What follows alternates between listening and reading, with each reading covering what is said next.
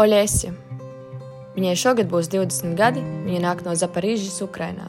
Ar Oļēsu mēs iepazināmies pirms neilga laika manā filmēšanas projektā, jo man gluži vienkārši bija nepieciešams aktieru asistents, un man tika rekomendēts brīnišķīgs cilvēks Oļēsja, kā lieliskas darba rokas. Es piekrītu, mēs sazinājāmies, satikāmies, un tā sākās mūsu draudzība. Oļēs ir brīnišķīgs cilvēks, atvērts, sirsnīgs, ar tiešām fantastiskām darba spējām. Taču tad es uzzināju viņas stāstu, kā viņa nokļuva līdz Latvijai, kāda bija situācija, kad sākās karš, ko viņa jūta, domāja, un es gribu ar šo stāstu dalīties. Es gribu, lai arī kāds no jums šo stāstu sadzird. Mani sauc Oļiesi, esmu no Ukrainas, no Zaporižas pilsētas. Šobrīd es studēju un dzīvoju Latvijā. Arī strādāju šeit, kino industrijā.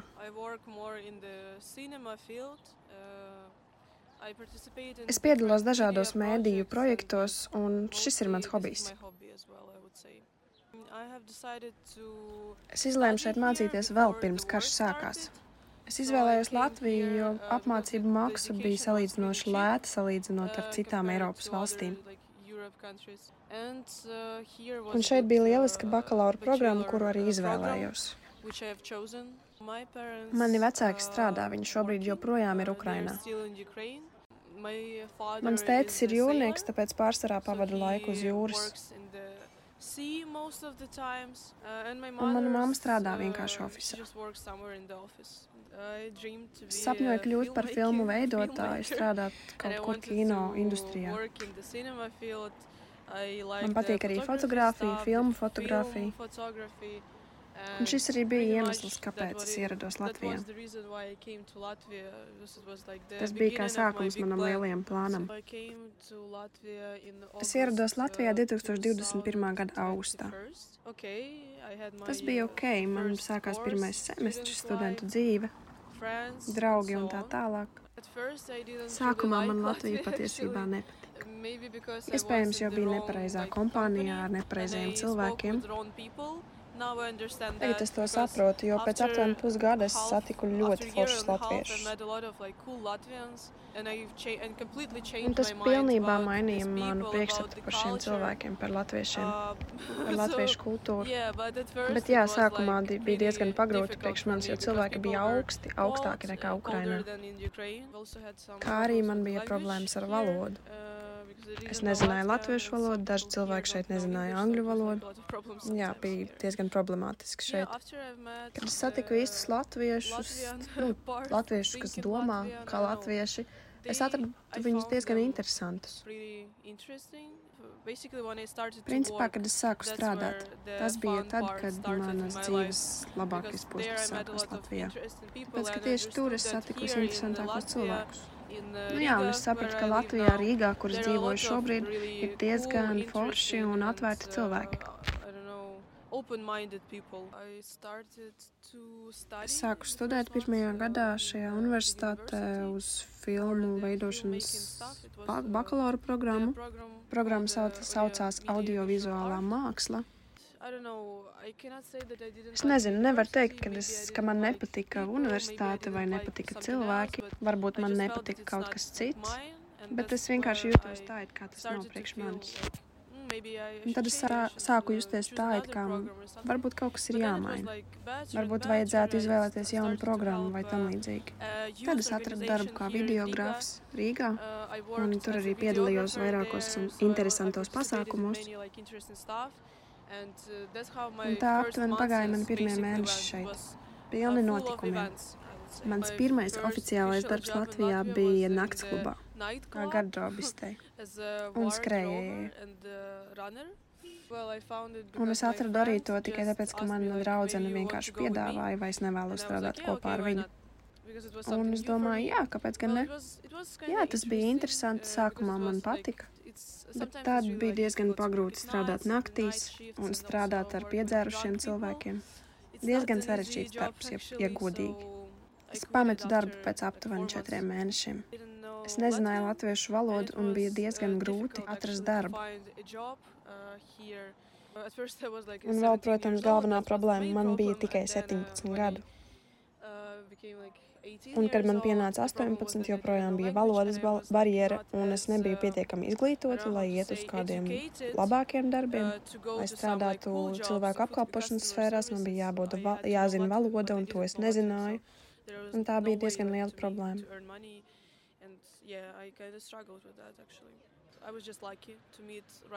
Man paveicās, ka es atradu īstos cilvēkus. Es vienkārši biju pacietīga, kad man nebija naudas. Es centos strādāt kaut kur internetā vai palīdzēt kādam par pavisam nelielu naudas summu. Un šādi es ieguvu pieredzi. Un tad vairāk cilvēki sāka prasīt man palīdzību, jo es varēju izdarīt to. Tā arī es pārkāpu šo barjeru.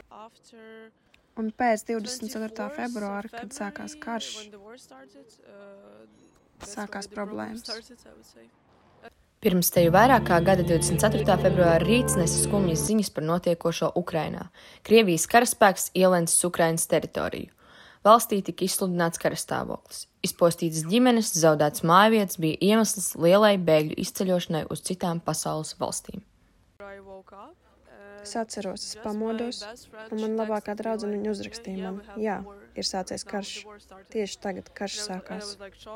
Es biju šokā, lai gan es zināju, ka tas notiks, bet tik un tā neviens to negaidīja tieši tajā brīdī. Protams, es biju ļoti sastrasojusies, es biju nobijusies. Es nespēju tam noticēt. Es sāku zvanīt savai ģimenei. Es arī dzīvoju kopmītnēs kopā ar dažiem ukraiņu draugiem. Es uzreiz devos pie viņiem. Mēs sākām apskatīt visus ziņu portālus, zvanīt saviem radiniekiem. Naktīs mēs satikāmies un skatījāmies ziņas kopā. Jā, mēs visi bijām ļoti uztraukušies, bet vismaz mēs bijām kopā.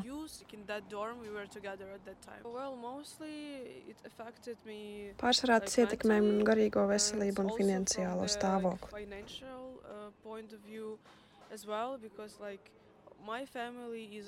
Jo mani radinieki joprojām ir Ukrainā, daži no tiem ir joprojām okupēti. Un jā, tas daudz ko mainīja. Kādā brīdī es biju arī vienīgā persona, kas pelnīja naudu. manā ģimenē jo vienkārši nebija iespēja pelnīt arī maniem radiniekiem. Daudz kas mainījās, arī prāts mainījās, manas domas. Bija jāsaprot, ka viss var beigties vienkārši vienā minūtē, un tu neko nevari padarīt. Un vēl grūtāk bija tas, ka tu pat neesi kopā ar saviem radiniekiem, tu esi pilnīgi svešā valstī. Tu nekādīgi nevari palīdzēt un universitātes cenas pacēlās. Man vienkārši nācās pamest mācības, jo man vienkārši nebija naudas, lai par to samaksātu. Ļoti smags laiks priekš manis, jo ļoti īsā periodā man bija jāizlem, ko darīt ar savu dzīvi tālāk. Tāpēc es izlēmu studijas pamest, jo man vienkārši nebija naudas, lai par to samaksātu. Jā, tur pat nebija īsti ko domāt, man vienkārši vairs nebija izvēles.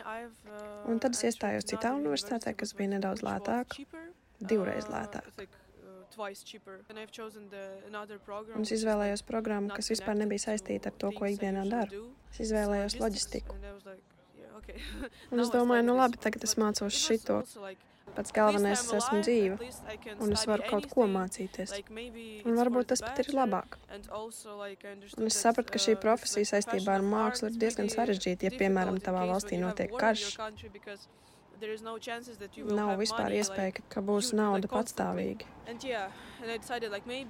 Un es domāju, ka darbs oficiālā būs vienkāršāks un es varēšu nodrošināt savu ģimeni ar naudu patstāvīgi.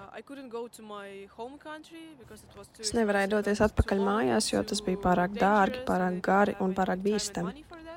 Un man nebija laika un naudas priekš tā. Un tad es izdomāju doties uz Kievu, uz galvaspilsētu. Un jā, protams, tas bija diezgan smagi priekš manis. Jo uzreiz, kad tu tur ierodies, tu redzi šīs mājas, jumtus, kas ir uzsprāguši. Tu redzi, ka ir bumbu pēdas. Tu redzi, ka tava valsts bija izpostīta ar bumbām, nevis cilvēki, bet bumbas to izdarīja. Tas bija diezgan bailīgi. Kā arī neierasti, kad visur apkārt staigā armīnieki. Ļoti daudz lietas mainījās, gan drīz vispār nevienu cilvēku uz ielām.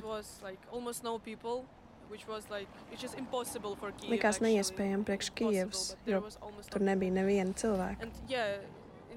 Un tu vienkārši jūti, ka viss ir sabijušies. Viss, ko es atceros no šī ceļojuma, ir enerģiju ģenerators skaņas un emocijas, ko es jūtu.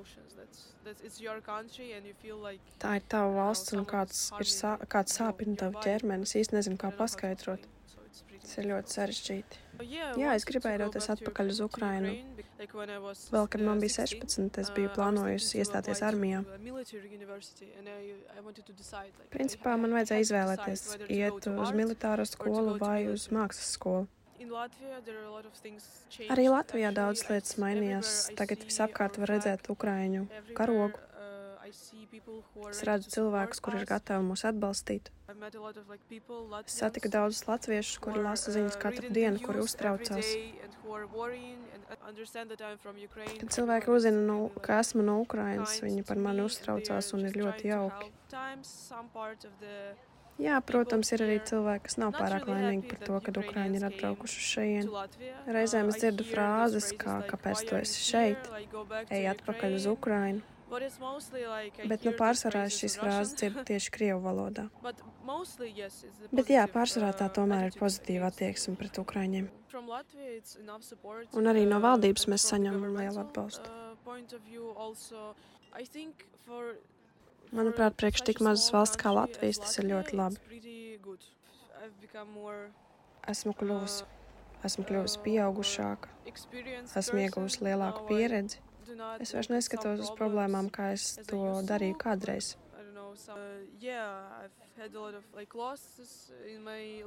Jā, esmu arī daudz zaudējusi. Varētu teikt, ka esmu palikusi nedaudz mazāk emocionāli. Lai mēs varētu runāt par emocionālo stāvokli, droši vien ir jāsaprot, nu, jābūt kaut kādiem datiem, kad, nu, kad kā, kādā veidā mēs to mēram. Un šajā gadījumā tas bija EMO, jo mēs esam skola, mēs esam EMO skolu projektā, un kur arī Ukrāņu bērni piedalījās no šajā EMO aptaujā, lai mēs redzētu par viņu labizjūtu skolā.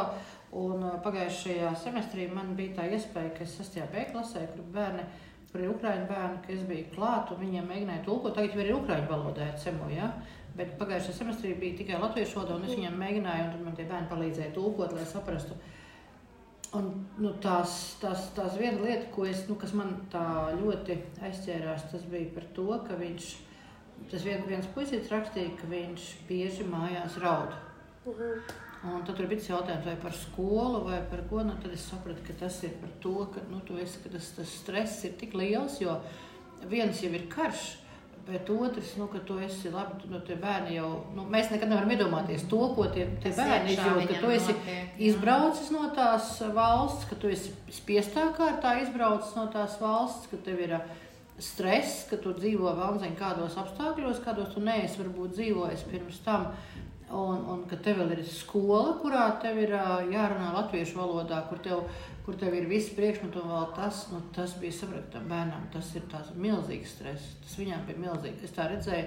Bet nu, tā, kad ārēji, lai es redzētu, nu, teikt, ka viņam tur kaut kas notiek, nē, bet iekšā es domāju, ka tas ir traki. Jā, un, protams, ka tā agresija kaut kādā veidā izpaužas. Un, negribēšana, negribu iet uz stundām, negribu, jo man ir grūti. Ja valoda ir tā, ka eh, nu, dažādos, dažādos vecumos un dažādi bērni ir bērni, kas, eh, kas labāk ir apgūši. Nu, neviens nevar man mm -hmm. iestāstīt, ka tagad gada laikā viņi apgūst valodu nekad.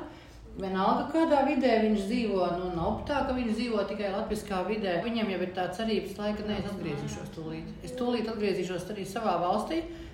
Un, eh, piemēram, izjūt ārā, redzēt, tur tie mākoņi ir ar zeltaino baliņu. Ja? Ukraiņi ir stipra tauta. Arī es ticu, ka karā viņi uzvarēs un atgūs savu neatkarību. Viņu gars ir stiprs un nesalaužams, sirdis plašas un dvēseles dziļas. Zinu, ka tā diena, kad Ukraiņas karogi plīvos visapkārt viņu zemē, pienāks pavisam, pavisam drīz. Tie būs ne tikai Ukraiņas neatkarības atgūšanas, bet visas pasaules svētki. Man šķiet netaisni, ka kādai tautai par savu zemi ir jākaro 21. gadsimtā, taču brīvībai ir sava cena, un tā ir jāmaksā. Ukraiņi šobrīd atdod tūkstošiem cilvēku dzīvības, lai zeme atkal pavisam piederētu viņiem. Šo tautu nesalauzīs neviens pazemes bunkurs, iebrukumi ciematos, apšaudas pilsētās. Viņi ir piemērs visiem pasaules iedzīvotājiem ar savu dzimtenes mīlestību un patriotismu. Slava Ukrainai, varoņiem slava!